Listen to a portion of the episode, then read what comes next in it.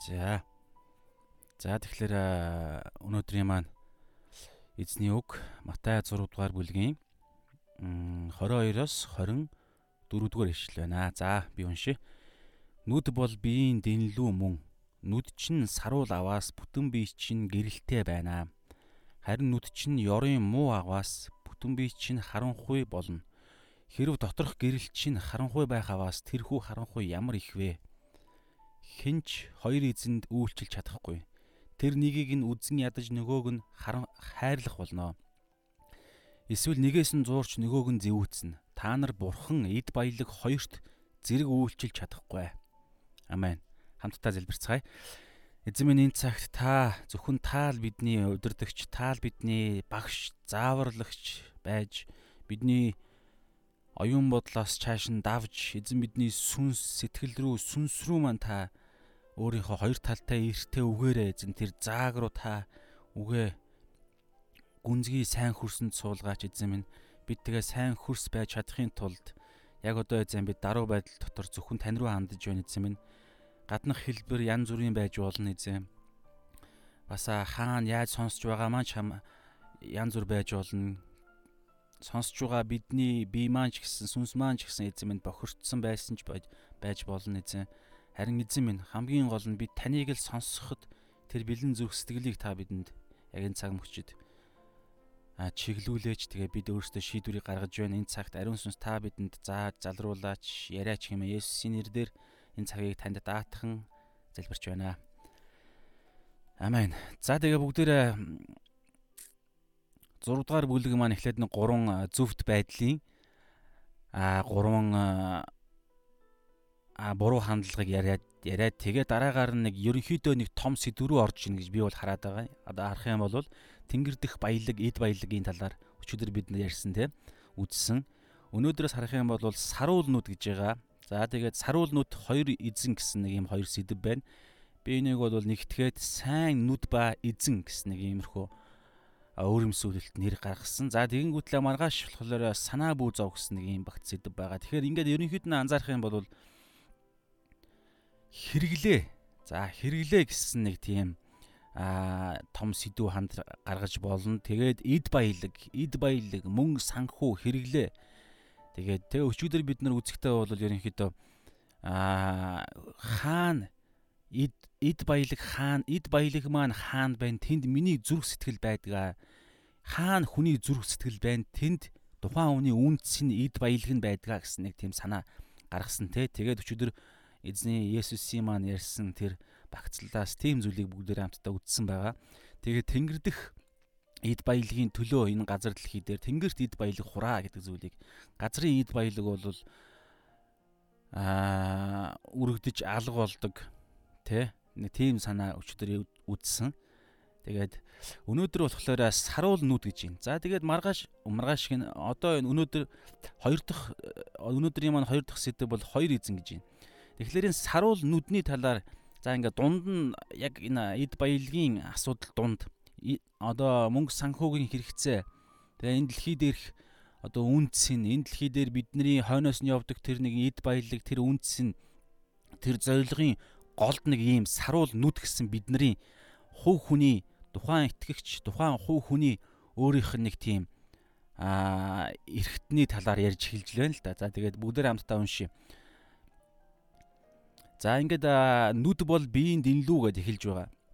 Тэгэхээр энэ дээр 22 дугаар ишлэл дээр нүд бол биеийн дэнлүү. За тэгээд дэнлүү гэдэг англи хэлнийх нь хувилбаруудыг ингээ харах юм бол ихэнхдээ нь бол дэнлүү гэрэл гэсэн санаа бол байгаа. Мэдээж тэгээд message bible гэдэг нэг дэлгэрүүлсэн тайлбар тайлбар библи гэх юм уу тийм одоо нөгөө нэг хадмал библи гэж байдаг нөгөө талдаа нилээ ингэж тайлбарлсан олон үгээр тайлбарлсан одоо манай нартай библитэй нилээ дөхдөг нартай библи баг тайлбар библи болох байх л та.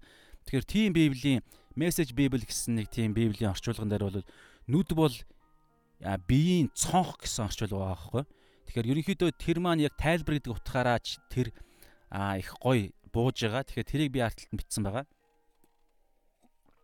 Тэгэхээр нүд бол биеийн дэнлүү. Тэгэхээр аа нүд маань өөрөө нүднээс өөрөөс маань ингэж гэрэл гардаггүй шүү дээ тий. Нүдэл өөрсөд нь тийм гэрлийн ихүү усур бол байхгүй. Гэхдээ яагаад нүд бол биеийн дэнлүү одоо дэнлүү гэрэл гэж хэлж байгаа вэ гэхээр зөвхөн нүдээр дамжиж л аа альва тэр юунууд одоо мэдээлэл гэх юм уу альва үннүүд нүдээр дамжиж ингэж хүний зүрх сэтгэл рүү тэгээд нүдээр дамжиж бас хорон муу зүйлс ч гэсэн ингэж ордог. Тэр утгаараа яг цонх гэдэг үг их гоё тайлбарна шүү. Тайлбар нь гоё байгааз аа яг ихвэл дээр бол угаасаа дэнлүү гэдэг үг нь байгаа шүү. Цонх гэж байхгүй. Зүгээр тайлбар гэдэг утгаараа бол нүд бол биеийн цонх. Тэгээд цонхоор дамжуулж одоо бүгдээрээ уншия л да. Мата 6-гийн 20 22-ыг уншия. Нүд бол биеийн дэнлүү мөн. За биеийнхаа дэнлүү бие гэрэлтүүлдэг гэсэн санаа. А нүд чинь саруул аваас бүтэн бие чинь гэрэлтэй байна гэж байна. За тэглээд нүд бол биеийн дэнлүү. Хэрв нүд чинь саруул гэдэг энэ үг маань ерөнхийдөө сайн англи хэлний олон орчуулгууд дээр бол янз янз байгаа. Сайн сайн гэсэн санаа байгаа. Тунгалаг, цэвэр, тэгээ тунгалаг, эрүүл гэсэн эрүүл нүд. Нүд чинь сайн бол, нүд чинь саруул бол, тэгээ тунгалаг, саруул саруул бол, нүд чинь эрүүл бол. Тэгээ нүд чинь тийм өргөний өргөнөөр юм нүдээ том нээж харж чаддаг нүдтэй бол гэсэн санаа. Тэнгүүтлээ дан яг King James дээрээ бол single гэж байгаа байхгүй юу? Ган нүд чинь дан бол гэсэн, дан ганц бол гэсэн санаа. Яг го цаана байгаа санааг нь бол би юу гэж харж байгаа гэхээр бас нэг ганц нэг тайлбарыг харахаар нэг иймэрхүү юм байгаа. А хэрв нүд чинь ингэж нөгөө хоёр эзэн гэдэг шиг хоёрдмол биш бол одоо энэ дараагаар нь хоёр эзэн гэж гарна шүү дээ тий хоёр эзэн. Тэгэхээр нүд чинь хоёр эзэнтэй биш. Нүд чинь яг нэг зориг чиглэлтэй нэг зүйлийн зүйл рүү ингэж хардаг бол гэсэн санаа. Тэр утгаараа бас дан гэсэн King James дээрээ хэрүү нүд чинь single бол гэж байгаа байхгүй бүр. Тэгэхээр гих мэдчлэн ингээ байна. Тэгэхээр ерөнхийдөө санаа бол нүд маань цэвэр, тунгалаг, эрүүл, тэгээ сайн, сайныг хардаг. Тэгээд эрүүл, тэгээд ямар нэгэн хаалт энэ дундуур нь юм бохирдуулсан юм байхгүй болвол бүтэн бие минь гэрлэр дүүрэн байна гэж байна. Гэрлэр дүүрэн байна. За 23 дээр харин нүд чинь ёрын муу яг англи хэл дээр бол evil гэсэн тий evil ёрын муу тэгээд сүнслэг байдлаар бас тэр amplified bible буюу тэр нөгөө дэлгэрүүлсэн библ те илүү нэмж дэлгэрүүлсэн гэсэн тийм библи орчуулган дээр бол сүнслэг сохор бол гэсэн утгаас байгаа. Тэгэхээр нүд чинь а ёрын муу сүнслэг тийм сохор сүнслэг байдлаар нүд чинь сохор болсон бол бас өвчтэй бол. Тэгээд мессеж библ дээр болохоор онигор тэг ингэж юм маш тийм нөгөө нэг нарийнхан те юм сайн том юм wide өргөн харж чаддаггүй жижигхэн юм чадварны юм баг бол те онигор бол гэсэн санаа. Янз бүрийн санаанууд байгаа байхгүй. Тэгэхээр нүд чинь хэрүү тийм байдлаар ингэж харах хэвээр харж чаддаггүй. Тэгээд сүнслэг байдлаар сохорсон Тэгээд ёрын муу зүйлийг харддаг те. Тэгээ өвчтэй эрүүл байдлаар эрүүл нүдний гаргадаг тэр тогтолцоо те үйл явцаар харж чаддггүй бол тэгээ онигор нүд нь жижигхэн ингэж ониж харахаар чинь ямар юм харагдах вүлээ. Гэрэл хэр зэрэг хүний биед орж ирэх үү? Байшинд цонхоор нь хэр зэрэг жижигхэн цонхтой одоо шоронгийн цонх шиг те. Тийм бол хэр их гэрэл орж ирэх үү? Тэгэхээр тийм болвол бүтэн бие чинь харанхуйгаар дүүрэн байна. Ёрын муу болвол Тэгээ хэрв доторх гэрэл чинь байшин дотор би дотор чинь орж ирдэг цор ганц тэр гэрэл чинь хэрв харанхуугаар дүүрэн бол тэр харанхуй ямар их вэ гэсэн ийм ишлэл байгаа юм саруулнууд гэдэг дээр. Тэгэхээр эндээс бид нар өнөөдөр давчхоо ингээд харахад бол за сайн нүд гэж ямар нүдийг хэлж байна. За муу нүд гэж ямар нүд хэлж байна. Энийг бүгдээр яг эхнийхээ энэ саруул нүдээс ойлгоё. Ер нь бол ойлгомжтой байгаа ч тийм. Тэгэхээр сайн нүд гэж ямар нүд вэ гэхлээр за ямар ч байсан ёрын муу биш. За тэгэнгүүтлээ харах зүйлээ маш сайн харж чаддаг те. Аа гэрэл гэрлийг ингэж оруулахад ерөөсө хаалт байдгүй гэсэн санааг маш сайн бүгдээрээ энэ дээр ямарчсан гол санаагаа энийг гаргая. Гэрэл орж ирэхэд ямар нэгэн хаалт байдаггүй. Ёрын муу ямар нэгэн тэр дундуур нь тэр хольц байхгүй цонх. Тэгээд эрүүл эрүүл цонх те. Тэгээд тунгалаг Тэгээд өргөн маш том цонхтой, өргөн цонхтой. Тэгээд яг тэр гэрэл рүү харсан цонхтой. Өөр давхар тийм санаа манаа байхгүй. Тэгэхээр ийм нүдийг бол сайн нүд гэж хэлж байна. За муу муу нүд гэх юм бол ямар нүд вэ гэхээр хаалттай гэрэл орж ирэхэд саад болдог гэрлийг халахалцсан хөшгтэй ч юм уу те цонхоор ярихад бол ямар нэгэн тэр шунал мунал те элдв янзын хор ёрын муу зүйлээр ингэж халахалцсан хөшгөөр хөшгөөр ингээ халахалцсан тэгээ гэрэл орж ирэхэд саад болдог тэгээ гэрлийг бүр хаагаа иччихсан тэгээд бүр жижигхэн цонх жижигхэн нүд онгор нүд буюу тэр нөгөө нэг сүнслэг байдлын хувьд юусаа харах юмаа харж чадахгүй сохор болчихсон тийм нүд нүд бол бидний амьдрал маань а бидний сүнс сэтгэл маань харанхуугаар дүүрэн байна гэсэн санаа ирж байна. За эндээс ингээд бүгдээрээ хамтдаа 24 24 рүү орохын тулд нэг хоёр асуулт гаргаж ирж байна. Гаргаж ирье. А ямар асуулт вэ гэхээр за за нүд сайн нүд гэдэг нь бол тийм нүд юм байна. Муу нүд гэдэг гэдэг бол тийм нүд юм байна гэдэг ихний байдлаар бүгдээрээ ер нь хамгийн ойлгомжтой энгийн байдлаар ингээд буулгаад авчлаа. За тэгсэн чинь сайн нүдээр орж ирж байгаа гэрэл муу нүдээр гэрэл нь хаагдаа тэгээд гэрэл байхгүй хэсгийг чи харанхуу гэдэг шүү дээ. Тэгэхээр тэр харанхуу гэдэг нь юу хэлж байгаа юм? Гэ бүгдээрээ харахад 24 дээрээ буюу 24 дээрээ байгаа сүүлийн ишлэл дээр дараагийнх нь ишлэл дээр. За унши. Хинч хоёр эзэнд үйлчилж чадахгүй. За хинч хоёр гэдэг үг байна те. Хоёр эзэнд. Аливаа нэг боолын, аливаа нэг зүйлийн эзэн хоёр эзэнтэй байх талаар яриад байна шүү дээ. Тэгэхээр ийм байх боломжгүй гэж байна. Үйлчилж чадахгүй. Тэр нэгийг нь үзэн ядна нөгөөг нь эсвэл хайрлна, хайрлах болно. Эсвэл нэгээс нь зуураад нөгөөг нь зэвүүцнэ. Та нар бурхан эд баялаг хоёрт зэрэг үйлчилж чадахгүй. За тэгэхээр одоо энд ярьсан түрүүн сайн нүд, муу нүд гэдэг зүйл гаргаж ирсэн те. Тэгэхээр эндээс тэгвэл сайн нүдээр сайн тэр өргөн те тунгалаг тэр яг гэрэл рүү харсан тэр сингл байдал те тэр тунгалаг нүд маань аавчлаарай. Тэр нүд маань нүдээр орж ирдэг тэр гэрэл маань өөрөө юу вэ гэдэг дээр энэ дээр бол хар да. Хоёр эзэн гэрэл нь нэг эзэн аа харанхуйнд бас нэг эзэн гэсэн санаа энд байгааз яг энэ дараагийнх нь ишил дээр нь. За тэгэхээр гэрэл нь юу юм бүгдээр харъя. Гэхэд бол та нар бурхан гэж хэлж гин те эд баялаг хоёр зэрэг үйлч чадахгүй.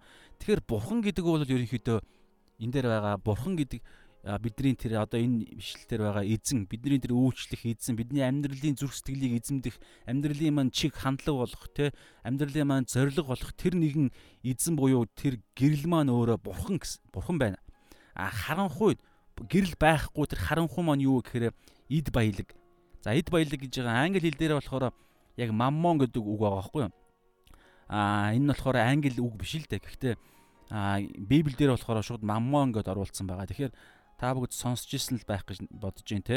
Юу лээ эн чинь юу штэ. 6-га. Аа За 24-ыг харъя те 24 дээрээ.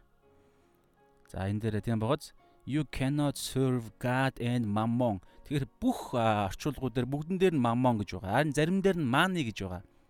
Гэхдээ ерөнхийдөө бол mammon гэдгээрээ. Тэгэхээр Мани мөнгө буюу маммон гэдэг нэг санаагаар яваад байгаа. Тэгэхээр яагаад маммон гэдэг нь ямар хүчтэй үг юм ингээд яг урд нь би зүгээр энийг судлахаас өмнө бодож ирсэн зүйл ягаа нөгөө нэг шунал те мөнгөний тэр жөтгөрийг маммон гэж нэг тиймэрхүү юм би сонсч ирсэн санагдаж байгаа.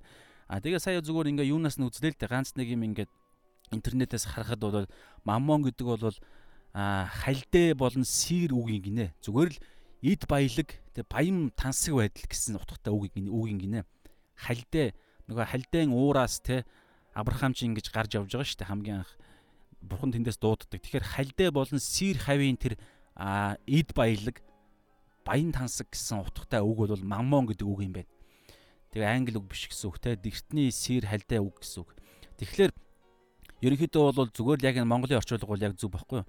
А эд баялаг гэсэн санаа. Эд баялаг болон эд баялаг мөнгө баян тансаг байдал гэсэн утгатай. Тэгэхээр бурхан болон маммонд үйлчлэх зэрэг үйлчлэх боломжгүй гэж хэлж байна. Тэгэхээр харанхуй тэгээд харанхуй гэрэл хоёр нэг дор хамт байх боломжгүй шүү дээ, тэ. Бас юун дээр Паул бас хэлсэн байдаг те харанхуй гэрэл хоёрын хооронд ямар зохицол байх вүлээ. Тэгээ харанхуй гэрэл ирэхэд харанхуй ямар ч тэ амар ноёлж байсан ч гэсэн тэр газрыг харанхуй эдэлсэн байсан ч гэсэн гэрэл ирэхэд шууд зүхтдаг. Харанхуйд өөртөө тийм хүч байхгүй гэж байгаа шүү дээ бид нараас урд нь үтсэн. Тэгэхээр харанхуй гэрэл хоёр хамт байх боломжгүй. Эн чинь тэгэхээр өнөөдөр энэ ишлэл дээр юу харанхуй нь юу хэлж байгаа вэ? Эд баялагийг. За гэрэл нь юу гэж хэллээ? Бурхныг. Тэгэхээр бурхан эд баялаг хоёр итгэвч хүн баян байх баян тансаг хоёр ингээ зохицохгүй мó гэхээр үгүй. Энд юу ярьж байгаа вэ? Эзэн гэдэг үг. Хоёр эзэнд зэрэг үйлчлж чадахгүй. Эзэнд би нэг амьдралын маань зориг миний алсын хараа намайг өдөрддөг өдөрдөмж миний эрх ашиг бол эрх ашигыг бий болгодог тэр миний бүр амьдралын зорилгыг бий болгодог тэр зүйл чи эзэн шүү дээ. Тэгэхээр маммон буюу тэр эд баян тансаг байхын тэр амьдралын зорилго тэ а баян тансаг тэгээд эд баялагтай байх тэр тэр маань амьдралын зорилго байгаа цагт хажууд нь бурхан бурхны хаанчлалын төлөөх амьдрах нь бас амьдралын зорилго байна гэдэг энэ хоёр зэрэг байх боломжгүй хэлж байгаа байхгүй. Хэрвээ би өнөөдөр тэгээд бид нар аа яалтчгүй аль нэг нь байгаа. Тэрийг бурхантай хоёр л мэдж байгаа. Та өөрөө бас мэдэхгүй байх боломжтой. Бурхан бол маш сайн мэдж байгаа. Аа сатан мэдээж мэдж байгаа. Өөрөөх нь одоо үрдэн учраас. Тэгэхээр аа бид нэг бол яг бурхны хаанчлалын төлөө одоо нэг бол бид гэрэл гэрлийн дор байна. Нэг бол бид харанхуйн дор байна. Дундын тийм нөхөрлөл зөвшөлтсөл дундын бүс гэсэн юм ойлголт юусаа байхгүй гэж хэлж байгаа байхгүй. Одоо энэ дээр бүгдээр а за одоо энэ дээр гарч уншина би. Аа тэгэхээр тэгэхээр ерөнхийдөө тэгээ та ойлгоорой. Ийм хоёр зүйлийг эзэн гэдэг утгаараа шүү. Түүнээс биш аа бурхны ард түмний хүм тэнгэрлэг эзэнтэй бурхан Есүс эзэнтэй те бурханаар эзнээ хийлгсэн мөртлөө хажуугаар нь эд баялагтай байх боломжгүй гэдэг юм ерөөсөө яриаггүй шүү. Энэ дээр маш сайн ойлгоорой.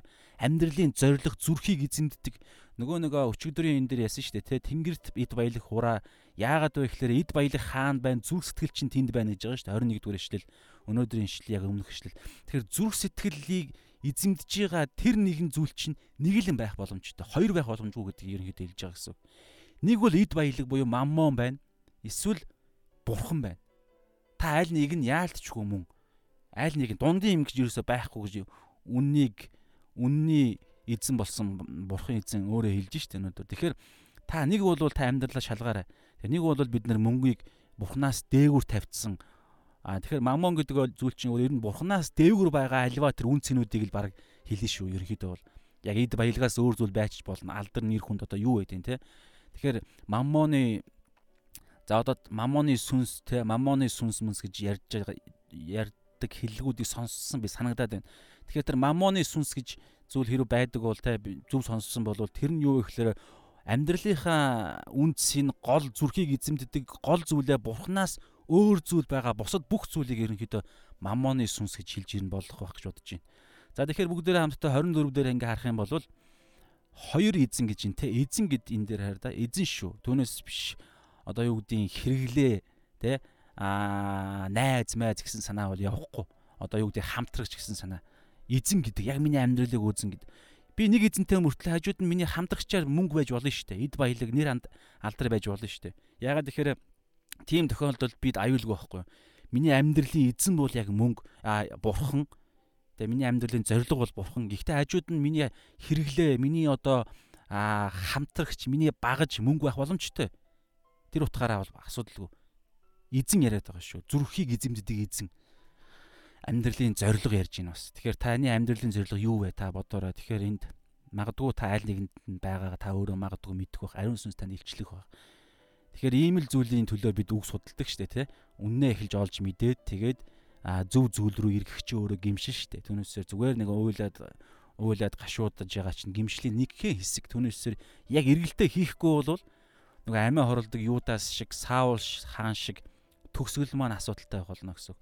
Тэгэхээр та үнэхээр дотор ариун сүнстэй тэр гайхалтай ариун сүнстэй сүнсний тэр бялгалыг баян сүнсний тэр бэлгийг авсан ядуу гэдгийг ойлгосон хүн мөн үү та? Та сүнсээрээ ядуу юу ядуу хүн мөн үү?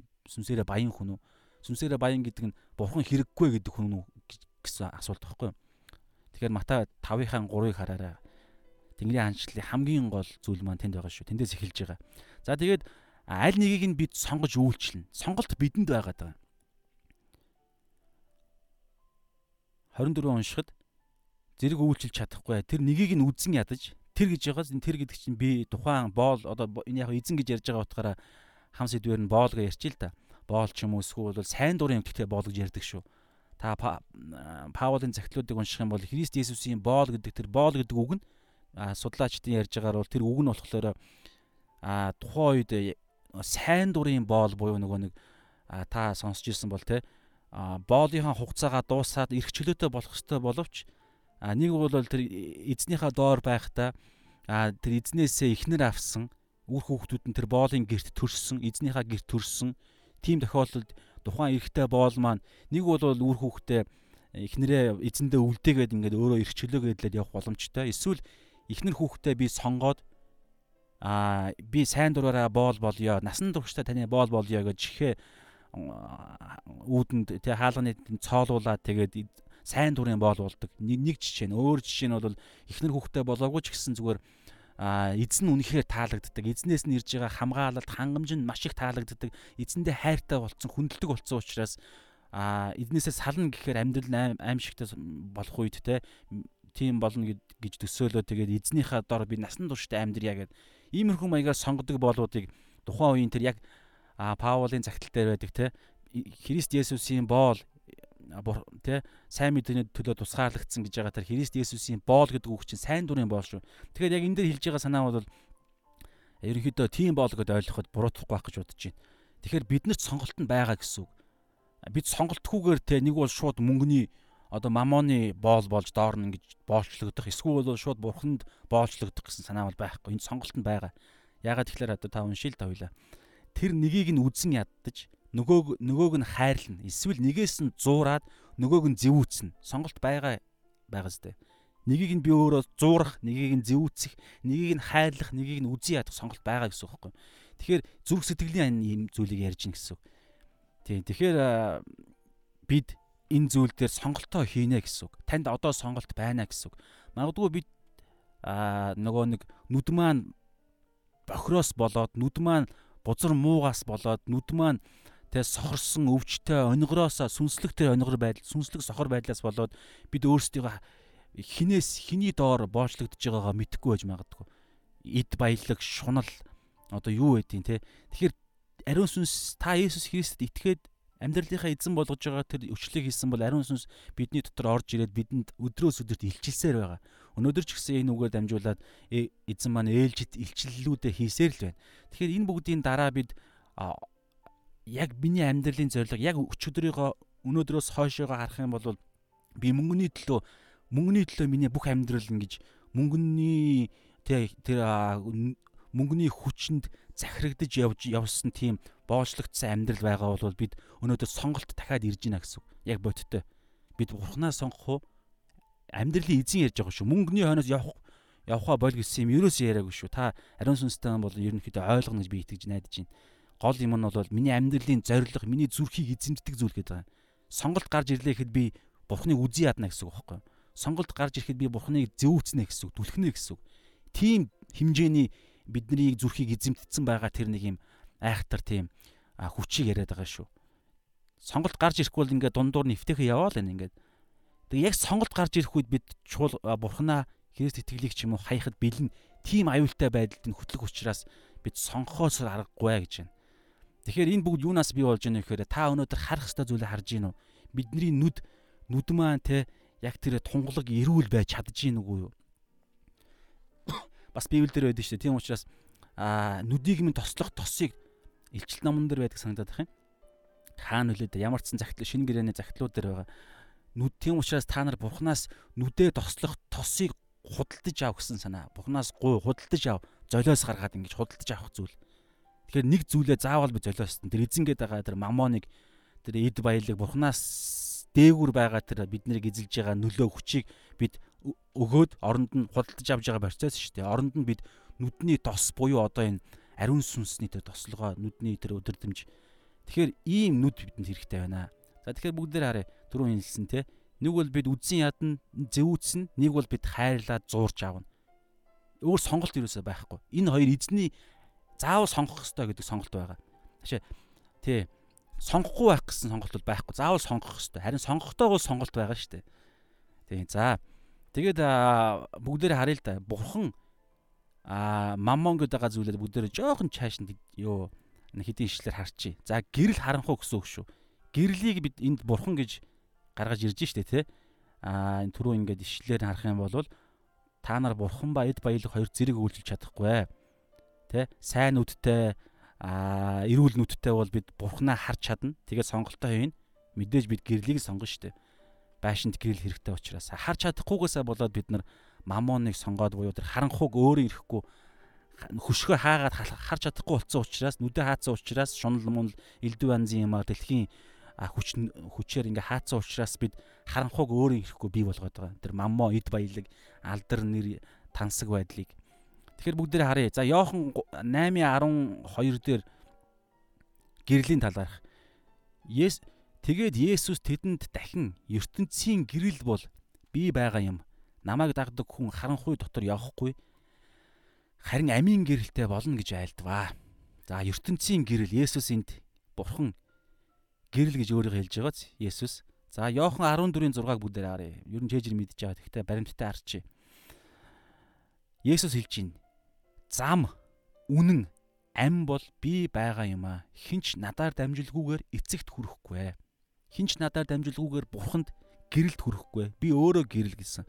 Хинч надаар дамжихгүйгээр тэр а тэнгэрлэг ид баялагтай өчигдөр бид нар үзсэн тэнгэрт ид баялаг хураа тэр тэнгэрийн аварс тэнгэрийн улс руу бид орох боломжгүй Есүсээр дамжихгүйгээр тэгэхээр энэ бол энд яриад байгаа тэр гэрэл гэдэг чинь ерөнхийдөө Есүс болж урьж байгааз.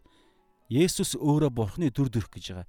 Есүсийг хараа та нар бурхныг намайг танихгүй бол та нар тэнгэрт байгаа бурхныг та нар таньж чадахгүй гэсэн санааг бас Есүс эддэчүүдэд хэлсэн байдаг шүү дээ. Тэгэхээр одоо энэ юу болж урьж байна? Бид гэрэл дотор Тэ а тэнгэрт эд баялаг хурааж гэрэл дотор бид тэгин гисэн штэ. Та хэрв тэр харанхуй чинь дотор байгаа тэр байх хөстө харанхуй гэрэл чинь өөрөө харанхуй бол тэр харанхуй ямар их вэ гэж байгаа штэ. 20 а Матай 5-ын 23 дээр те. Хэрв доторх гэрэл чинь харанхуй байх аваас тэр хүү харанхуй ямар их вэ? Ямар аюултай вэ гэсэн санаа байхгүй юу?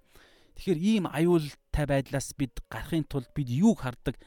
Хард чаддгаас хамаарч бидний нүд маань эрүүл а тунгалаг байна вэ гэхлээр Есүсийг багхгүй.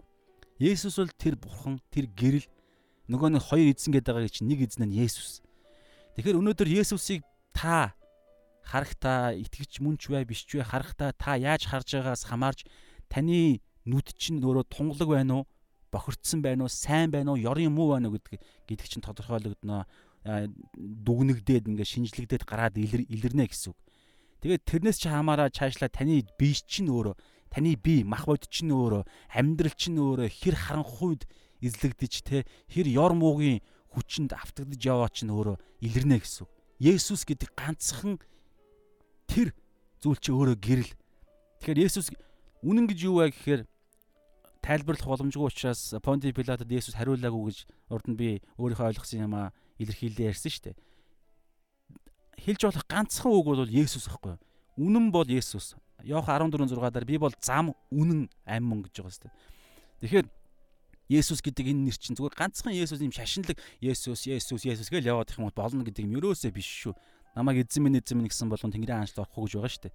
Хамгийн гол нь тэр цаад утга учир Есүсийн сүнсийг аваа, сүнсээр нь дамжуулж Есүсийн зааж Матай 28-ийн 18-аас 20 дээр байгаачлан тэр Есүсийн зааж сургасан бүгдийг өөртөө сахин биелүүлээд бусдад заадаг. Тэгээ бусдыг эзэн рүү авч авчирч тэр баптизмаараа эзэн рүү авч авчруулдаг, дагалдуулдаг. Ийм амьдрал чи өөрөө тэр Есүс итгэж байгаа тэр хүн чинь тийм хүн байхгүй юу? Түүнээсээр аа зүгээр тийм шашинлаг ойлголт бол биш. За харанхуй гэдгийг бүгдээр аамшиг. 2 дугаар Коринт аа 4-ийн 4 дээр энэ 90 үеийн бурхан энэ эрен үеийн бурхан үл итгэгчдийн бодол санааг соголсон учраас тэд бурханы дүр болох Христийн алдрын тухай сайн мэдээний гэрлийг үзэхгүй болжээ. Есүсийн гэрлийг гэсэн үг шүү дээ. Христ гэдэг чинь Есүс Христ. Тэгэхээр энэ эрен үеийн гэхээр энэ дэлхийн энэ газар дэлхийн гэсэн үг. Энэ дэлхийн бурхан сатанаг хэлж байна. Энэ дэлхийн жижигхэн байгааз бурхан гэд тэрүүгээр нь ялгаж болдсон шүү.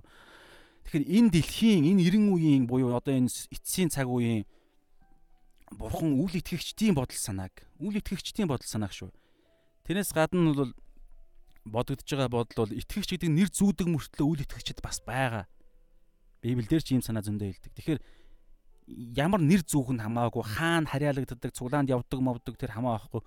Дотор ч та яг амьдрал дээрээ тань итгэл байхгүй бол үл итгэгчдийн тоонд орно л гэсэн үг шүү дээ. Тэгэхээр тэр хүний бодол санааг хүртэл үл итгэгчдийн бодол санааг соголсон учраас тэд бурхны дүр болох Христийн алдрын тухай сайн мэдээний гэрлэг гэж байгааз сайн мэдээний гэрлийг үзэхгүй болжээ. Сайн мэдээний гэрэл гэж юу вэ?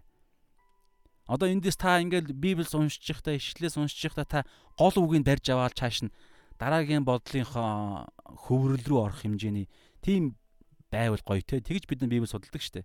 Тэгэхээр сайн мэдээний гэрэл гэж юу вэ гэж бид нар хайх хэрэгтэй штэ. Энэ бол нэгүүлсэн штэ. Миний яг одоогийн бууж байгаа бол гэхдээ хайхад бол яг ингэж бэкап хийх ишлүүд гарч ирнэ гэж итгэж байна. Христийн сайн мэдээний гэрэл гэж юу вэ? Сайн мэдээ чинь юугаараа гэрэлтэж, юугаараа дууга чангалж, юугаараа биднийг чөлөөлдөг. Нэгүсэл ахгүй юу? Нэгүсэл, хуулийг нэгүсэл ялсан. Тэгэхээр нэгүсэл гэдэг үгээ дахиад судлах хэрэгтэй болно. Ингэхээр бид ариун сүнстэй гамд үргэлжлүүлэн судална. Тэгэхээр нэгдүгээр Тимот 6-гийн 7-оос 9-ыг бүгдээр харъя бас. Нэгдүгээр Тимот 6-гийн 7-оос 9. Учир нь бид ертөнцид юу ч авчираагүй мөн юу ч авч гарч чадахгүй хэрв хоол хүнс хувцс хунар байвал эдгээрээр бид сэтгэл хангалуун байх болно. Харин баяжих хүсэлтэй чүүд нь уруу татлаг ба өрх зүсэн бүрийн мунхаг хор хөнөөлтэй хүсэлд ундаг. Эдгээр нь хүмүүсийг өгүүрэл ба сүрэлд живүүлдэг гэж байна.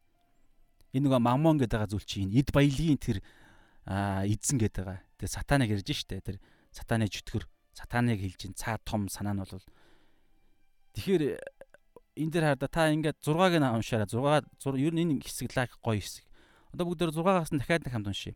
Харин итгэл зүсэг ба сэтгэл хангалуун байдал нь хамтдаа агуу ашиг мөн гэж байгааз энэ хоёр зүйл хоёр хамтдаа байвал агуу давуу тал ашигтай нэг гоё юм ярьж байна. Тэр нь юу вэ гэхээр бидний итгэл дээр нэмээд байгаа зүйлдээ сэтгэл хангалуун байх хоёр хамт яваа цагт маш ашигтай агуу үнэхээр нэг аа бат бөх сүртэй гэсэн үг итгэл нь байна. Тэгээд итгэлээ итгэл нь байна. Тэгээд тэр гайхалтай эзэнтэйгээ холбогддог тэр холбоо тэр юу гэсэн үг шүү дээ. Тэр энерги их үүсвэрнэ гэсэн үг.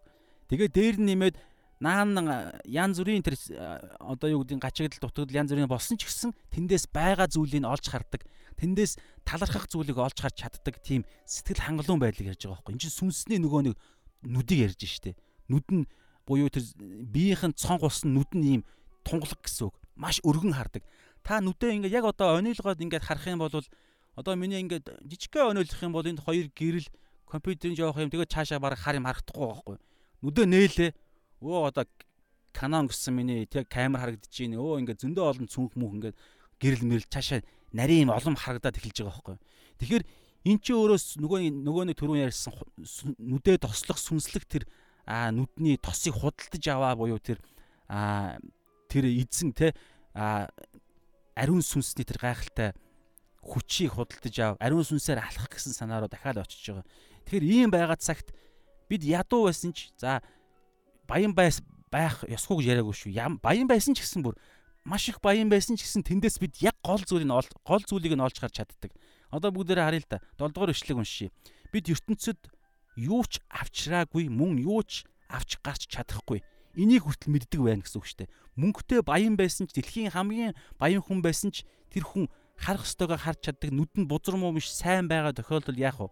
Бид ертөнцид юу ч авчраагүй мөн юу ч авч гарч чадахгүй гэдгээ тэр хүн мэддэг гэсэн үг. Тэгэхээр тэр мөнгө нь юу болж хөөрөх вэ? За тэгэнгүүтлээ 8-ыг уншия. Хэрв хоол хүнс хувцас хунар байвал эдгээрээр бид сэтгэл хангалуун байх болно. Хардаа хоол өдөр болгон бид иддэг. Баян байх шаардлагагүй. Жоох мөнгө байхад хоол аваад идэх чинь. Хувцас Өөрөөсөө хаасаг бол хувцас байгаа шүү дээ. Эдэж би даарна гэсэн ойлголт байхгүй. Угаагаар л ус үнэгүй савн хитгэн төгрөг. Тэгэхээр маш анхан шатны энгийн хэрэглээ байгаа зү. Тэгэхээр бид нар баян байлаа гэж утгад нүд маань тунгалаг харж байгаа тохиолдолд ийм л байдлаар бид бидний мөнгөний гол зарцуулалт ингэж зарцуулагдана. Тэгэхээр үлдсэн мөнгө хаашаа орох вэ? Өө одоо жинхэнэ нөгөө хайраа илэрхийлэх тэ хаанчлалын тэлэлтүүд а мөнгөгүй жинхэнэ би баян байж болно мөнгөгүй хүмүүс байгаа шүү дээ тэднэр лугаа өрөөж эхэлнэ. Тэ? Бусдад хандивлаж эхэлнэ. Хаанч тэндлөө үйлчилж байгаа элдв янзын үйлчлэл мүжил хийж байгаа залуучууд монголоор дүүрэн байгаа. Би биендээ тэднэрт хандивлж эхэлнэ. Миний хэрэглээ чи энэ дээ харалта. Би өөхтэй болоод би аваад явахгүй.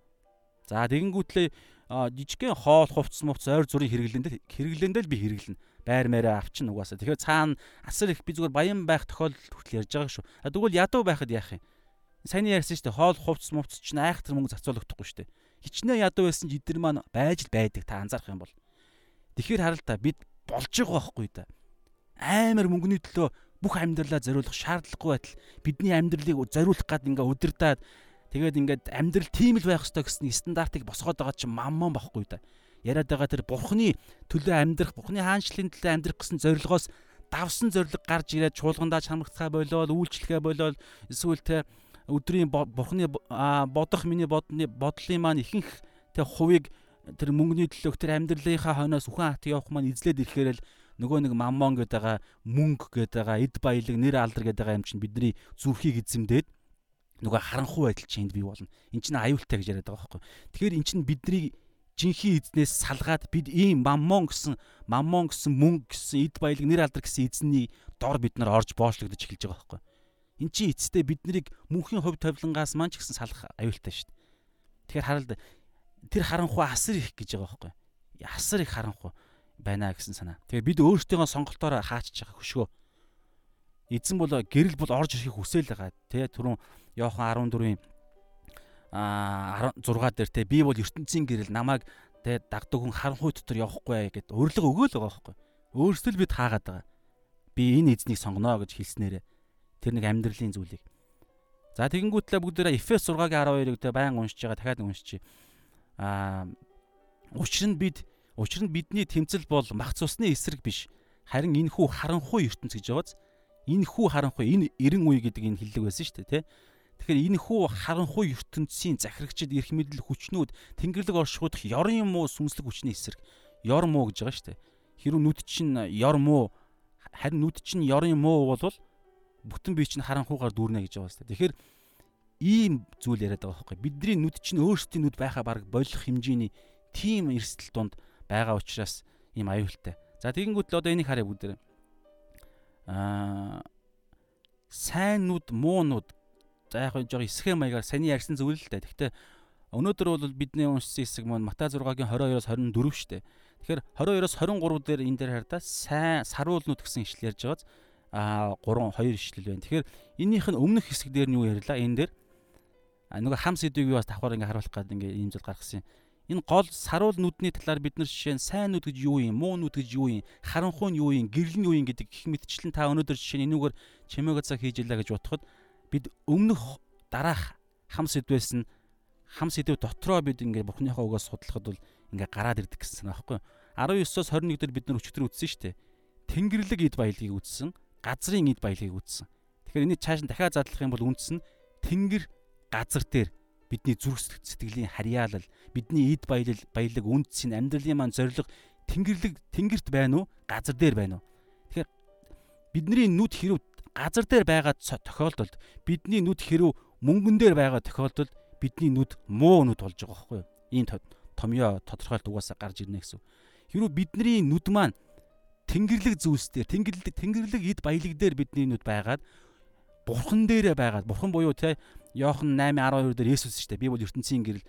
Тэгэхээр Есүс Христ дээр байгаад тэнгэрлэг эд баялаг дээр бидний зүрх сэтгэл тэнд харьяалагддаг. Тэндээс уяатай байгаа цагт бидний нүд өдрөөс өдөрт улам илүү тунгалаг сайжирна гэсэн үг. Тэгэд 2 дугаар Коринт сүүлийн ишлэл 2 дугаар Коринт 6-гийн 14-ийг бүгд уншийе.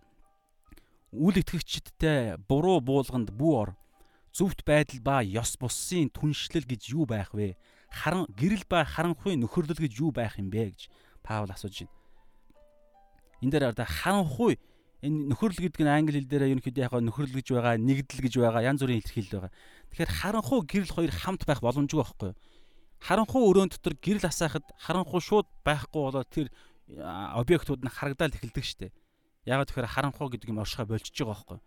Тэгэхээр уг нь ийм байтал бид байх ёстой юм шиг гэж ойлгоод итгэлийн амьдрал дээрээ бид хоёр эзэнд үйлчлээд яваад байгаа юм шиг яваад идэг.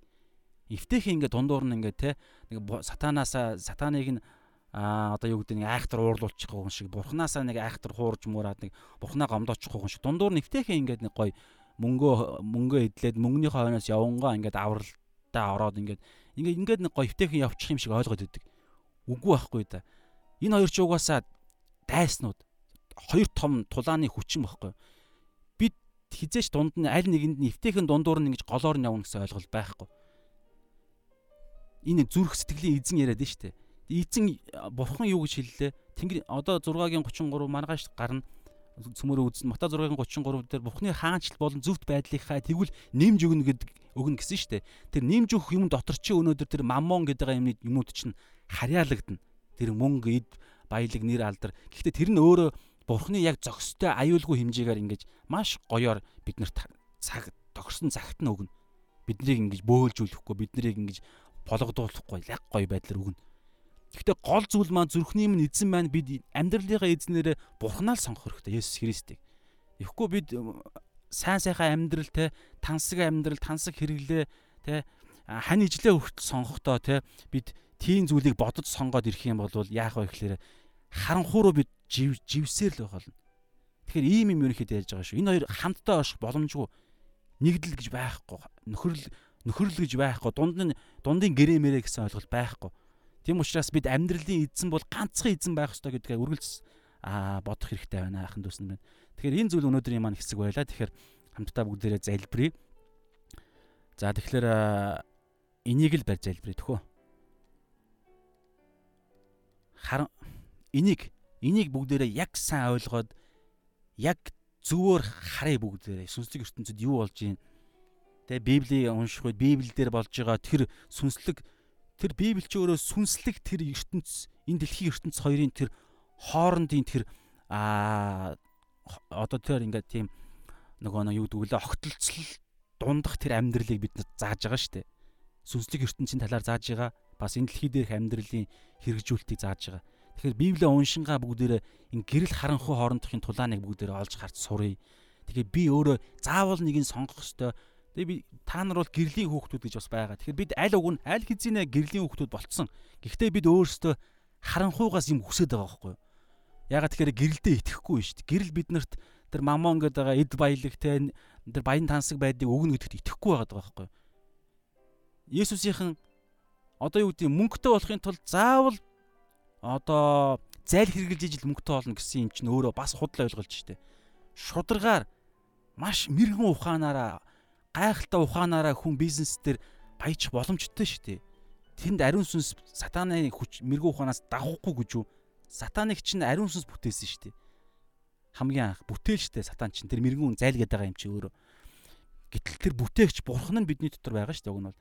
Тэгэхээр та хэрвээ амьдралын чинь дуудлага байгаад та тийм чадвар нь байгаад тэ ингээд бизнес дээр жишээ нь дуудлагатай байлаа гэж бодоход та зөвөр яваад баяж бүрэн боломж байгаа. Та өөрөө эзнээ сонго. Миний амьдралын эзэн бол бурхан. А мөнгө гэх юм бол тэнд залим ихтэйгээр л баян болох боломжууд гэсэн тэр дүрм дотор л явах байх гэж зүгээр хардж байна. За бүгдээ хамтаа залбирая тэгээд. Эзэн минь энэ цагийн төлөө талархаж байна. Бидний нүдийг эзэн та саруул, эрүүл, өргөн тэгээд яг зөвхөн гэрэл рүүгээ хардаг тэр сингл дан ганц байдал ганцхан зориулалт тийм нүд болгож өгөөч эзэн. Ингэснээр эзэн минь бид Есүс зөвхөн таныг л харж, таныг хэлж, ярьж, заасан, амьдрсан, үйлчлсэн үхэл, амьлалт, өргөлт, ариун сүнсний сүнсээр дамжуулан бидний дотор оршиж байгаа энэ цаг үед Тэнгэрийн хаанчлалын тэлэлтийн төлөвлөгөөнд донд удахгүй та хоёр дахь дахин ирнэ. Энэ дэлхий дээр хаанчлна. Тэгээд эзэн минь шүүн. Тэгээ мөнхийн мөнхөд шинэ Иерусалим болсон. Тэр мөнх гайхалтай хоттоо бид таньтайгаа хамт хаанчлах болно гэд энэ бүх зүйлсүүдээ эзэн минь бид таныг л харъя эзэн. Таны дотор бүх зүйл эхэнд бурхан тэнгэр газрыг бүтээж гэдгээс хамгийн сүүлчийн ишлэлтэй шин тэнгэр газар бүтээгээд бас шинжлэгдээ дуусж байгаа хүн төрөлхтний анхны бүтээл тэр хүртэл та зөвхөн гол дүр байсан. Та бүх юм байсан. Ялалт таны дотор байсан. Үхэл үхлийг ялсан ялалт таны дотор. Үхлийн үхсдийн орны хаалгыг та түлхүүрийг нь та гартаа атгаж байгаа эзэн Тэгэхээр Есүс таны дотор бүх зүйл байгаа. Тиймээс би таныг л хардаг нүдийг та улам илүү нээл а өргөн болгож өгөөч, цэвэрлээч, ариун сүнсээ бидний нүдийг та тослооч. Эзэн минь а бидний Тэнгэрийн хаанчлал а хаанчлалдах тэр гайхалтай эд хөрөнгө буюу тэр мөнхийн тэр баялагын төлөө өдөр бүр эзэн бид амьдрахыг хүсэж байна. Аваа үүний төлд бид бэлтгэгдэж, сургагдж, амталж, амсаж тэгээд өөрчлөгдөж тань руу өдрөөс өдөрт алхам алхмаар урагшлах болно гэсэн. Тэг маргааш өдөр хүртэл та бидний өдөр дараа хамгаалаарай. элдв янзын бузар муугаас бидний хамгаалаарай. Онцгойлон энэ энэ цаг үед эзэн шүүлтийн бардамнал бурхан цоргонд шүүгч байтал таны шүүлтийн суудалд суугч тэр бузар муу чөтгөрийг чөтгөрт бид өрхтуулан өөрсдөө хэнийг нэг бусдыг таны хүртэл шүүх тийм аюул хаасаагүй байна эзэн минь тиймээс та биднийг нүдийг нээж аюулыг та харуулж өгөөрэй хэмээн Есүсийн нэрээр энэ цагийг тань даатхан залбирч байна. Амен. За энэ цагийн төлөө талархъя. Тэгээ маргааш уудлаа уулзлаа баяртай. Удаа ярихаар ингээ бүр ам маань янз юм болж ш. Та төгсгөлд нь нөгөө анхаар болгоо хэлчихье.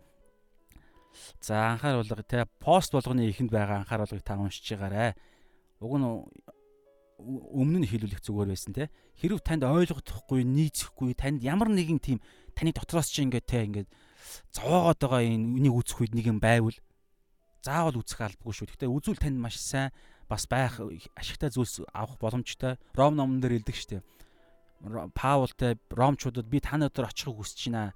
Та нарт би сүнслэг зарим бэлгүүдийг хуваалцахыг хүсэж байна. Ингэснээрээ би миний итгэлээр та нар та нарын итгэлээр би хамтдаа зоригж нэгж байгаа шүү. Тэгэхээр энэ дээр дор гэсэн ойлголт юусаа байхгүй. Ариун сүнстэй хүн болгон ямар ч мундаг байх нь хамаагүй ирэх бүх бүх эргэтэнгүүд биедээ хамгийн бест тахгүй юу? Хамгийн мяа гэж бодож байгаа, хэрэггүй гэж бодож байгаа эргэтэн хүртэл бүр тэр байтугай хамгийн их зориулалттай арчилгаа шаардах тийм зүйл эргэтэн байдаг гэж Библиэр байгаа шүү дээ. Тэгэхээр бид нэг нэгнийхээ одоо ойлгож ухаарж байгаа энэ цагаар ивэл авдаг өөртөө те урамшуулал те тэр авах боломжтой учраас та үзүүлсэн. Гэхдээ хэцүү үеэр та заавал үзэх албагүй шүү яагаад ингэж хэлж байгаа те. Энэ нь болохоор яагаад тэгэхээр нэг хувь хүний л цаг байгаа. Тэгээ чимээгөө цаг судлал байгаа. Тийм учраас та элдв янзын сорилтонд орохгүй тулд үзэхдээ авах гээхийн ухаан гэж яриад байгаа шүү. Байгаагаараа бие биенээ авах. Тэгээ өнгөрөөд сурах гэсэн санаа. За шалом баяртай.